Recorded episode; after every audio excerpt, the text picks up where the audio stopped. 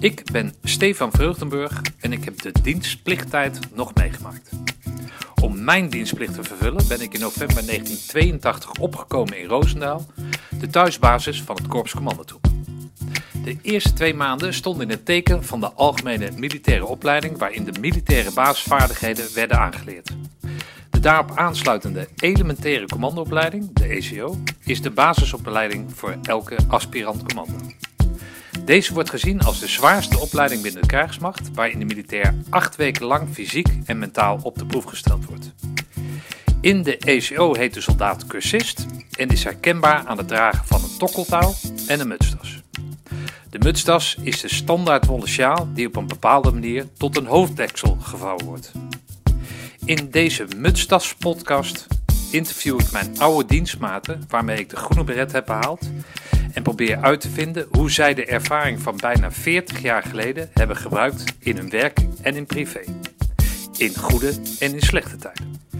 In deze korte versie van de eerste pilotaflevering vertel ik mijn verhaal aan mijn vriend Jan Bart en motiveer ik mijn streven om deze Mutstas podcast te maken.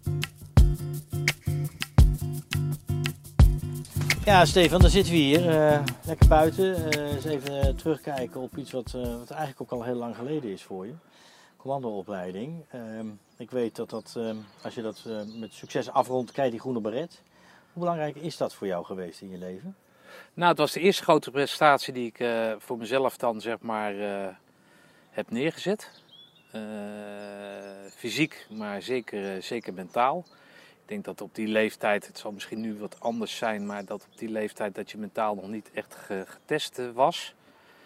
Misschien op school, nou, op school ook niet, maar, maar nu eh, het gewoon zeg maar, nou die test, dat mentale, dat fysieke, met totale vreemde eh, iets doen waarvoor je, niet, waarvoor je eigenlijk niet voor in de wieg bent gelegd. Ik had ook totaal geen militaire achtergrond qua ooms, vader of, Nee, soort Je deed eindexamen. Je dacht, wat ga ik doen? Ik moet Ja, ik moest de dienst. dienstplicht in, dat, eh, dat was toen. eh, en toen eh, ja, dan kon je kiezen, en je kon je voorkeur aangeven. En ik dacht nog eens eerst aan, aan, aan, aan chauffeur worden.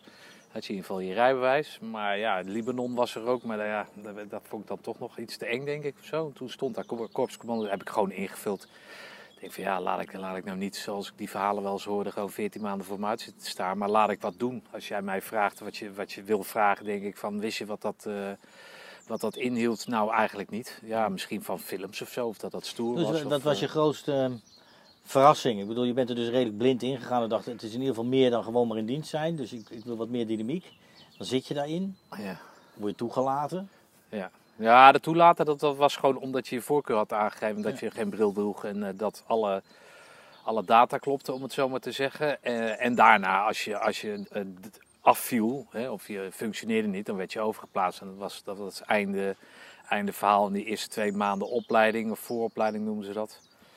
En eh, ja, leer je marsen, salueren. Gewoon alle basisvaardigheden die een militair zou moeten hebben, die krijg je onder de knie. En dan begint daarna de elementaire commandoopleiding, de ECO.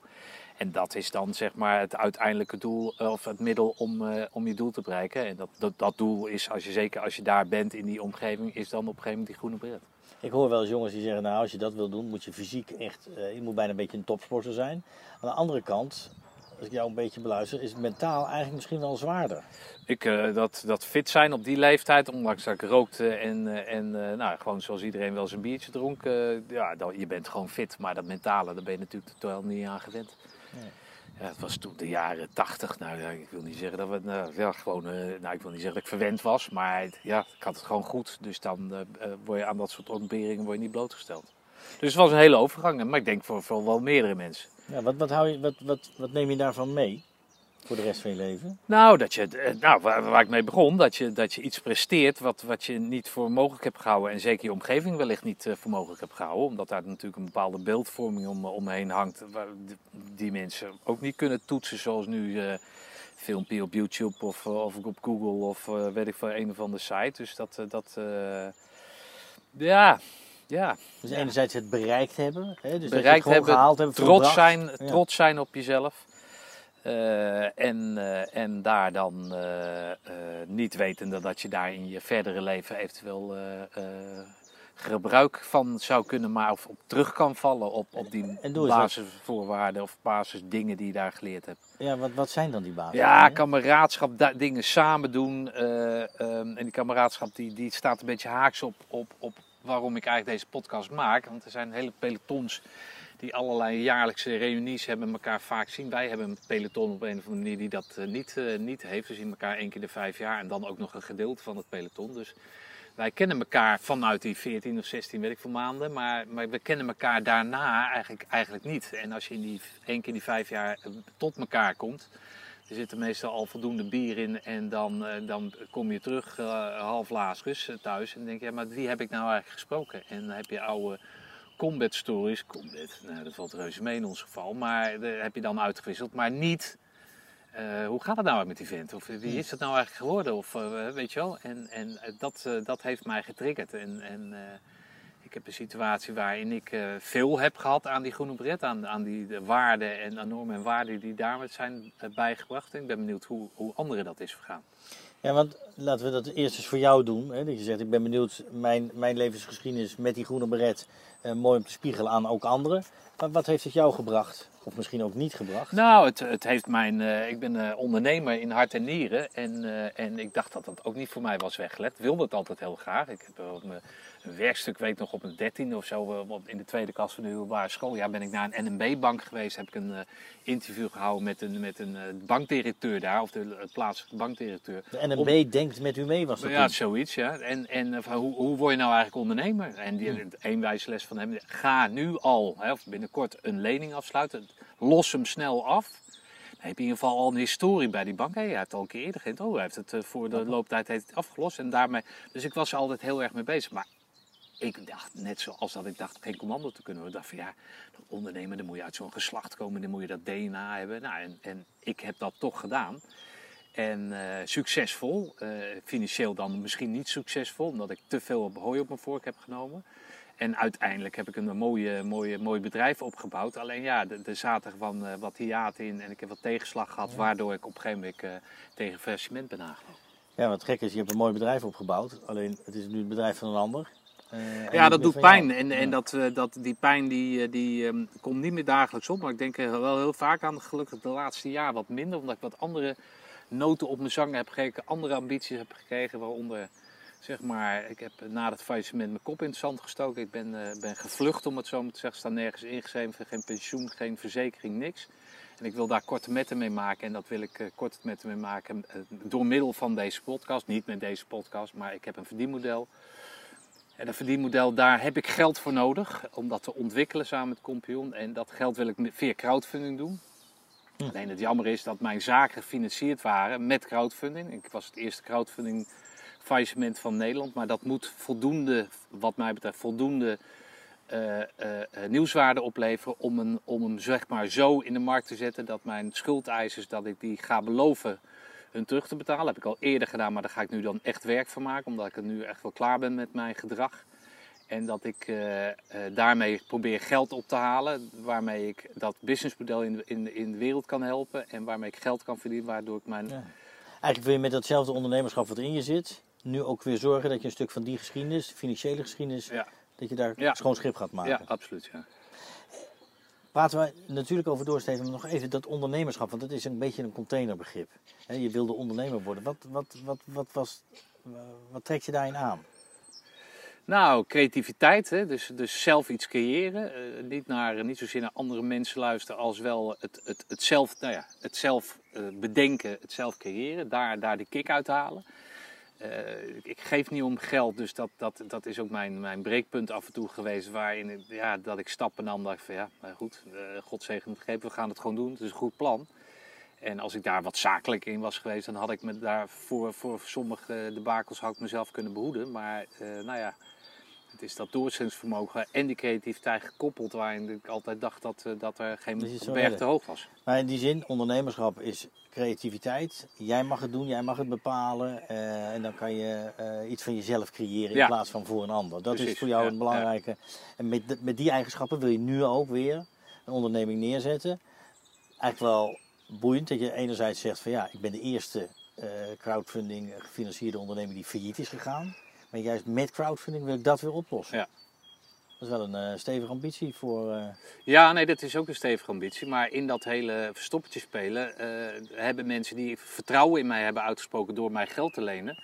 Die heb ik in de steek gelaten. En, en, ehm, dus die zijn hun geld kwijt en dat probeer ik, dat probeer ik recht te gaan zetten. Die groene baretten, die commandoopleiding, die neem je mee in dat ondernemerschap. Je zet een succesvolle ehm, eh, Indische keten neer, restaurants neer. Ehm, top. Wat heeft het, want het heeft dus ook zijn minder gehad, mogelijkerwijs. Hè? Je, enerzijds het neerzetten van dat ding is je fantastisch gelukt. Hij staat ook nog. Waar, waar is het misgegaan? Nou, het is misgegaan omdat ik te eager was in ondernemen. Ik ook Dus een eh, glaasje water. Ja, nee, goed. Het is warm genoeg in Bart. Ehm, ik was dol op ondernemen. Ik was de beste barkeeper van Utrecht. Maar toen het ondernemen was, ja, om de hoek kwam kijken, vond ik dat superleuk. Als ik nu, ik zeg altijd maar, als ik gewoon lekker aan tafel was blijven werken, gewoon 100% die focus op die ene zaak had gehad, dan had ik nu een, eh, een, een, net geen nieuwe Mercedes met de kop eraf had ik gehad, een huis in Frankrijk. Misschien drie keer per, per maand per jaar op vakantie en eh, had ik een goed leven gehad. Eh, maar ik wilde, ik wilde niet uitbreiden vanwege het geld, maar gewoon vanwege het. eh, hè, en waar kon je dat het beste doen volgens mij om, om ballen te tonen? Ja, dat was in Amsterdam. En ik ben daar begonnen op een hele slechte straat, wat daarna tot uitgegroeid is tot een van de restaurantstraten van Amsterdam.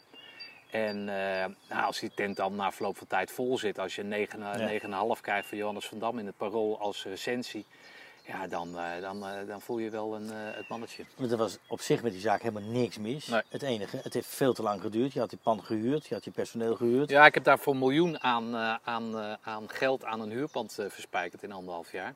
Zonder iets te verdienen. Zonder iets te verdienen. De belasting had daar, eh, eh, gaf mij respijt en ik heb, had daar altijd een hele goede band mee. Maar sindsdien, en toen ben ik open gegaan, vanaf dag 1 zat het vol. Nou ja, het, ja dag 1 zat het, nou niet, niet wel de eerste Olympische Spelen, daarna ging de weg open voor een half jaar. Dus ik heb heel veel hindernissen gehad, ook daarin nog. Maar Jonas van Dam heeft me daarin dan toch wel gered, omdat net voordat de weg open ging en we net open waren, kreeg hij 9,5. Dus mensen wisten ons te vinden en van heinde verre, echt uit het buitenland ook en, eh, en dat soort zaken.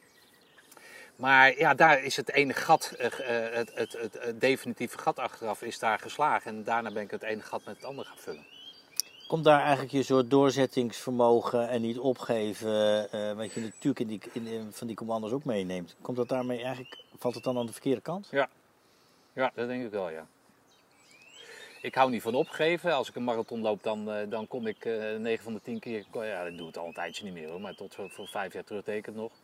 Dan kwam ik als laatste binnen, hè, de ongetraind. En dan liep ik hem bijna in vijf uur of zo. En, eh, maar dan had ik het volbracht. En dan had ik weer een jaar had ik dan voor mezelf eh, tijd gekocht om dan een volgende uitdaging, uitdaging aan te gaan. En het liefst dan ongetraind, het liefst eh, zoveel mogelijk rokend en drinkend. En, eh, maar in zaken doen moet je gewoon op je tellen passen en moet je gewoon verstandig zijn. Ik ben daar niet altijd verstandig mee omgegaan. Nee, dus eigenlijk zeg je, als ik verstandig was geweest, had ik dat Amsterdamse avontuur eerder moeten inzien, eerder moeten afsluiten. Precies. Dan dat ik denk, ik ga dat toch doen. Nou ja, misschien Amsterdam dan niet, maar ik had daar gewoon eh, eh, ja, niet te veel sidesteps. Ik had, ik had de focus moeten houden. Ik had daar gewoon hard moeten werken. En dat heb ik ook gedaan, weet je wel. Alleen ja, daarna lagen er nog andere. Ik dacht, als je in Indo bent en je hebt een Indonesisch restaurant, dan moet, moet je qua uitdaging, hè, dus ging niet qua zakelijkheid, kan je nagaan. Maar qua uitdaging moet je een Indonesisch restaurant in Den Haag hebben. Ja, dat is natuurlijk ja, hartstikke stoer, Ja. hartstikke leuk. En op de Java-straat en fantastisch. Ja, want het is toch de bakermat van de Indische Precies, gemeenschap maar het is de, is de moeilijkste stad. Ik dacht dat als je in Amsterdam het redt, dan red je het overal. Maar dat is niet zo. Als jij een goed concept hebt, dan red je het in Amsterdam. Wat met een slecht concept red je het in Amsterdam altijd. De uitdagingen liggen juist in steden als Den Haag. eh, Om hem daar van de grond te trekken. Nou, dat heeft uiteindelijk heel veel moeite gekost om hem een klein beetje uit het dal te halen. Waar we in zaten vanaf het begin. En, eh, en dat was net eh, onder andere het, eh, een stapje te veel. Rotterdam nog gedaan, twee afhaalzaken, catering, een biermerk. Ik weet het, het was gewoon allemaal iets te veel. Te veel te lang doorgezet op dat spoor. Want als je kijkt, eh, ik denk zeker als je nu in Utrecht gaat kijken bij Blauw hoe dat, hoe dat draait, eh, dan zal je verhaal niet gelogen zijn dat je daar een prima eh, leven met twee kinderen Absoluut. en een lieve vrouw van had kunnen Ja. leiden en met mooie vakanties. Is er dan spijt van deze oud Ja, spijt, spijt, spijt. Ja, ik, ik, ik ken, ik, ja, ik, heb, ik hecht, geen waarde aan spijt. Want Nee. het, het, het is allemaal is je eigen schuld. Het is zo. Klaar. Had ik het niet moeten doen? Had ik naar andere mensen moeten luisteren? Joh, doe dat nou niet. Ja, joh, ik, eh, ik, eh, ik zat in, nou, niet in een bubbel, maar eh, als jij leest in een vakblad hè, die naar vakmensen gaat, wat leren wij van Stefan Vreugdenburg? Ik ben mijn vader laten zien, pa, kijk eens joh. Er staat, wat kunnen wij leren van Stefan Vreugdenburg? Ja, dat zijn eh, hoogtepunten. Nou ja, hoogtepunten. Maar het is leuk om te lezen. Maar ik heb, ja, ik denk dat ik als ik het overnieuw zou doen, zou ik het anders doen. Zou ik er iemand bijroepen die gewoon veel stukken zakelijker is. Die, die de, ik de creativiteit, vakmanschap, eh gastheer, eh, feest, weet ik veel wat. En dat er één iemand staat die op de cijfers let. Hey, vriend, het is allemaal leuk, maar we drinken te veel met z'n allen. Of, Tot hier en niet verder. hier en niet verder. Eh, als je dat weer naar die, die opleiding, of naar die opleiding, die commando, de, de tijd dat je daarbij gezeten hebt. Je zegt ik wil nu ook met andere jongens daar eens over in gesprek. Ehm, jouw verhaal kent hoogtepunten, eh, onder andere het neerzetten. Maar tegelijkertijd heb je ook het verhaal van ja, gewoon failliet eh, en naar de kloten gegaan. Eh, wat is jouw verhaal als je nu, als ik jou tegenkom en zeg Steven, wat doe je nu? Dan vertel ik jou de waarheid. En wat is dat? Nou, als ik op een borrel sta met een beetje van die, van die, van die bla bla figuren en mensen vragen wat doe jij? Nou, ja, ja, ik was af. En dat doe ik ook twee keer in de week in een restaurant, een heel druk restaurant, omdat ik, ja, daar heb ik altijd werk. Ik verdien dan een beetje wit geld. Kom me later van pas misschien met, met de onderhandeling met de Belastingdienst. En ten tweede ja, vind ik het ook leuk. Ik, eh, ik krijg er een kick van als die hele eh, spoelkeuken onder de troep staat en s'avonds om een uur of elf ben ik klaar en het is weer spik en span. Dus ik, eh, ik vertel wat ik doe. En voor de rest maak ik vlees schoon en, eh, en dat soort zaken. En eh, niet wachten op betere tijden. Maar ja, ik heb tien plannen per dag. En dit is mijn plan geworden. En, en, dus ik, ik draai er niet omheen. De schaamte voorbij wordt er wel eens gezegd. Nou, ik ben de schaamte echt volledig voorbij. Omdat ik ook zeker weet dat het iedereen kan overkomen. Misschien niet zo onbezonnen als dat ik het heb gedaan, maar het kan iedereen overkomen. En ik ken eh, verhalen zat. Hè. Ik ben een fan van podcasts, dus ik neem ontzettend veel verhalen tot me. Eh, voor, het, e- voor het ene moment denk je alles te hebben en het andere moment kan het in één keer eh, over zijn. Je vrouw gaat weg, je wordt ziek, je kind gaat dood, het, het, het faillissement, weet ik wat. Dat, het kan zomaar omkeren. Ja, dus niks om voor te schamen, zo is het leven. Zo, zo denk ik dat dat is, ja. Ja. Zo denk ik dat het is. En in, het, in die zoektocht naar die collega's, om daar, of over die, die oude kameraden, om daarover door te praten, ehm, zit er ook een soort gevoel, want jullie hebben allemaal dezelfde soort opleiding gehad. Je hebt allemaal dezelfde doorzetting moeten tonen. eh, je hebt allemaal dezelfde kernwaarden meegekregen. Maar ja, de ene is een succesvol militair, de ander eh, staat af te wassen. eh, die heeft een andere maatschappelijke carrière gemaakt. Wat hoop je te treffen? Wat, wat, wat, wat wil je horen van ze? Ik ben benieuwd, ik ben gewoon nieuwsgierig van aard. En ik wil horen hoe het hun is vergaan. Dat je eh, bijna 40 jaar geleden, Bart, eh, dat je eh, gezamenlijk iets hebt gedaan. En er zijn mensen in de wereld die hebben het echt veel slechter. Dus die twee maanden commandoopleiding, nou het is best zwaar, maar echt het niks te vergelijken met wat er in de rest van de wereld gebeurt.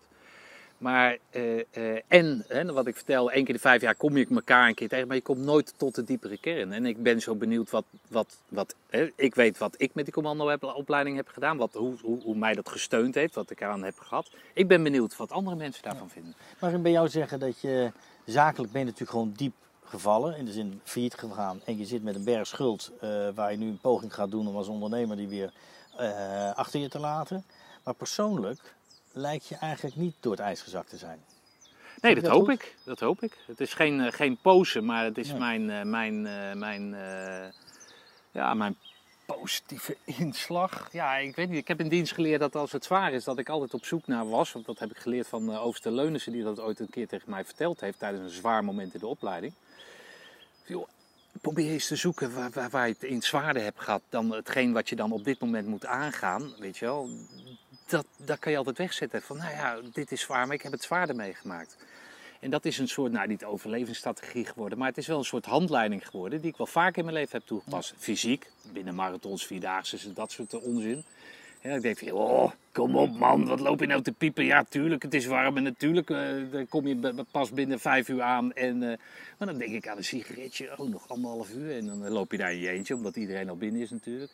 En denk, oh, dadelijk lekker sigaretje, oh, lekker wit biertje. Of uh, weet je wel, je probeert je continu op te peppen. En dat heb ik uit dienst meegekregen.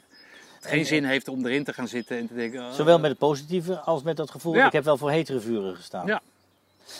Is dat iets wat je denkt, misschien ook terug te vinden bij die kameraden? Want iedereen zal in zijn Nou, leven daar ben ik benieuwd naar. Ja, ik ben precies. benieuwd of zij dat eh, ook zo ervaren. En ik, ik ben ook benieuwd naar de succesverhalen van mensen die geen moeilijke dingen hebben meegemaakt. En dan, eh, dan zal ik daar allereerst blij voor zijn. Hè? En, en eh, onze doelgroep is de jongens van het peloton. Of mijn doelgroep in eerste instantie is de, de jongens van het peloton. Eh, we hebben zo'n commandoblad, daar ben ik nog geen lid van, maar ga ik binnenkort natuurlijk vanwege deze podcast lid van worden. Maar daar kan je, het commando, wat doe je voor de kost? Maar dat is een, een stuk tekst. Maar in het uurtje podcast kan ik natuurlijk veel meer vragen. En omdat ik het eigenlijk van iedereen denk ik het slechtst heb gedaan, weet je wel, ben ik geen gevaar voor iemand. Want slechter dan ik het doe, dat, dat is bijna niemand. Terwijl je aan de andere kant kan zeggen, juist zo goed als je doet. Want met die eigenschappen die je geleerd hebt, sta je nog met wie je bent. Ja, nee, natuurlijk. Maar het is leuker om succesvoller te zijn, je Bart. Hè? Want als je wint, dan heb je vrienden. Er zijn liedjes over gemaakt. En ik heb aan de lijve ondervonden eh, dat dat zo is. Hè? Ik heb aan de lijve ondervonden dat als je, als je succesvol bent, dat iedereen jou wil kennen en andersom. Hè? En dat het, eh, dat je het leven één grote roze wolk is. Maar zodra het afgelopen is, dat niemand jou meer belt. En ik, wil, ik hoop zo min mogelijk van dat soort eh, verhalen te horen. Maar ik wil wel aangeven dat er manieren zijn hè, om, als je in zo'n situatie zit, om daar eruit te komen. Ik luister een podcast waar het dan gaat over problemen. Denk ik, ja, ja, dat zijn inderdaad problemen. Maar ja, als dat als je je- problemen zijn, dan heb je niet zoveel problemen. Wel grappig als je dit verhaal zou laten horen aan jongeren die nog op school zitten nadenken over. ehm, en zouden denken, god zou het leger iets zijn. Het is dus ook op individueel niveau voor iemand, een, kan het een prima training zijn. Ja, waar je ik je wil niet lang... eh, te hoog van de toren blazen, maar dat is natuurlijk wel. Hè. De, de Defensie die, die, die maakt nu reclame, of tijdje geleden, maar dat vond ik in ieder geval een hele aansprekende. Skilled for life. Je hoeft niet je hele carrière bij Defensie te blijven, maar als jij gewoon een contract tekent, ik weet niet hoe dat in elkaar zit, maar voor vier jaar of zes jaar of whatever, dan pik je zoveel basisvoorwaarden voor een goed leven, of hè, een, leven wat je kan, kan aangaan met die basisvoorwaarden die je in je militaire tijd hebt meegemaakt, dat je daarna de banen voor het oprapen hebt. Dus wellicht is het, is het een, een, en dit is natuurlijk een ander tijdsbeeld, hè, je kan nu echt doodgaan, wij hadden de Koude Oorlog, dus die, die, die, nou, die vijand was niet echt bekend. Eh, eh, eh, maar nu heeft het veel meer risico en ik heb veel meer respect voor mensen van nu, die nu militair willen worden. Maar dat betekent dat je nu je kan laten opleiden door een van de grootste werkgevers van Nederland, met alle expertise die erbij zit, waar je later in een, in een maatschappelijke carrière profijt van kan hebben. Zou als jij moet kiezen, ben je geknakt of ben je nederig geworden? Wat, wat past er- Nederig sowieso, en niet dat ik naast mijn schoenen liep of zo, maar ik had het gewoon goed. Maar het kan zo afgelopen zijn. Hè. Het kan van de ene dag op de andere dag kan het, kan het over zijn. En die nederigheid die heb, ik, heb ik geleerd, maar die had ik al een soort, soort in me. Ik ben geen bluffer of, of wat dan ook. Dus dat, dat... En af en toe denk ik dat het wel eens goed is dat meerdere mensen die nederigheid, want dan acteren ze toch anders ten opzichte van mensen die onder hun werken of collega's of wat dan ook. Iets, iets gematigder, iets normaler. Niet zo bluffen, niet zo, niet zo hoog van de toren blazen. Gewoon normaal aardig zijn. Doe eens lief, weet je wel. Ja. Die campagne hoop ik, eh, hoop ik eh, iets, meer, eh, iets meer inhoud te geven. En in die zin, hè, ik had het net over iemand die mogelijkwijs wil kiezen voor zijn opleiding. CQ Defensie kan aan, aan een serie van dit soort verhalen natuurlijk ook best wat hebben om eens te horen wat die skills dan zijn. Ja, wellicht. Ja, ja, dat, ja, dat weet ik niet. Maar ja, goed, dat was diensttijd en nu is het anders. Hè? Natuurlijk. Ja. Toen moest je, nu is het de keuze. Maar het is ook een keuze van leven of dood. Zo, kan- zo kan, je het wel, kan je het wel zeggen. Want iedereen wordt uitgezonden. En daarom heb ik dus heilige bewondering voor die mensen. Die mensen in het buitenland willen helpen. Die, die nou, gewoon situaties willen oplossen. Maar in dat hele ding, daar, daar, daar krijg je een schat van ervaring en mensenkennis van. Daar- daar- Daar heb je later alleen maar profijt van. Ik weet dat, eh, volgens mij was het Hans van Breukelen die met Marco van Basten ging kijken bij topsporters over wat, eh, ja, wat is nou de crux van het hebben van succes. Wat, wat, wat, wat maakt nou dat je net beter bent dan die anderen? Ja. Ehm, hier zit daar ook iets in, niet, niet zozeer dat, eh, de- van die topsporter, maar het zoeken naar wat maakt nou, of wat neemt die commando nou mee voor de rest van zijn leven, eh, waar die iets aan heeft. En, dat- en dat blijft bij jou natuurlijk intrigerend, dat je enerzijds iets meeneemt waarvan je zegt, hoe had ik het maar niet gehad, had ik eerder gestopt. Anderzijds, een gewoon mens, zeg ik maar even tussen haakjes, eh, zou misschien persoonlijk totaal naar de kloten zijn geweest als hij deze geschiedenis had meegemaakt. Jij bent blijven staan. Ja, dat zou kunnen. Dat zou aan die commandoopleiding. Ja, dat, dat, daar kan ik niet zo goed antwoord op geven, persoonlijk. Weet je wel, ik weet niet hoe andere mensen, maar daarom ben ik zo benieuwd naar die andere mensen. Mensen. Nogmaals, ik hoop dat het zo goed gaat. Eh, eh, maar de mooiste verhalen zijn natuurlijk altijd eh, de verhalen waar je van smullen, kan smullen. En mijn verhaal, daar kan je van smullen. Hè? Die gozer met die grote bek, en ik nou een giga grote bek had, maar ehm, eh, eh, die is toch op zijn bek gegaan. Maar dan hoop ik wel te laten zien van nou, zo, zo doe ik het. Hoe, is het jou vergaan? Nog even, je praat over jezelf de schaamte voorbij. Ehm, je hebt twee kinderen.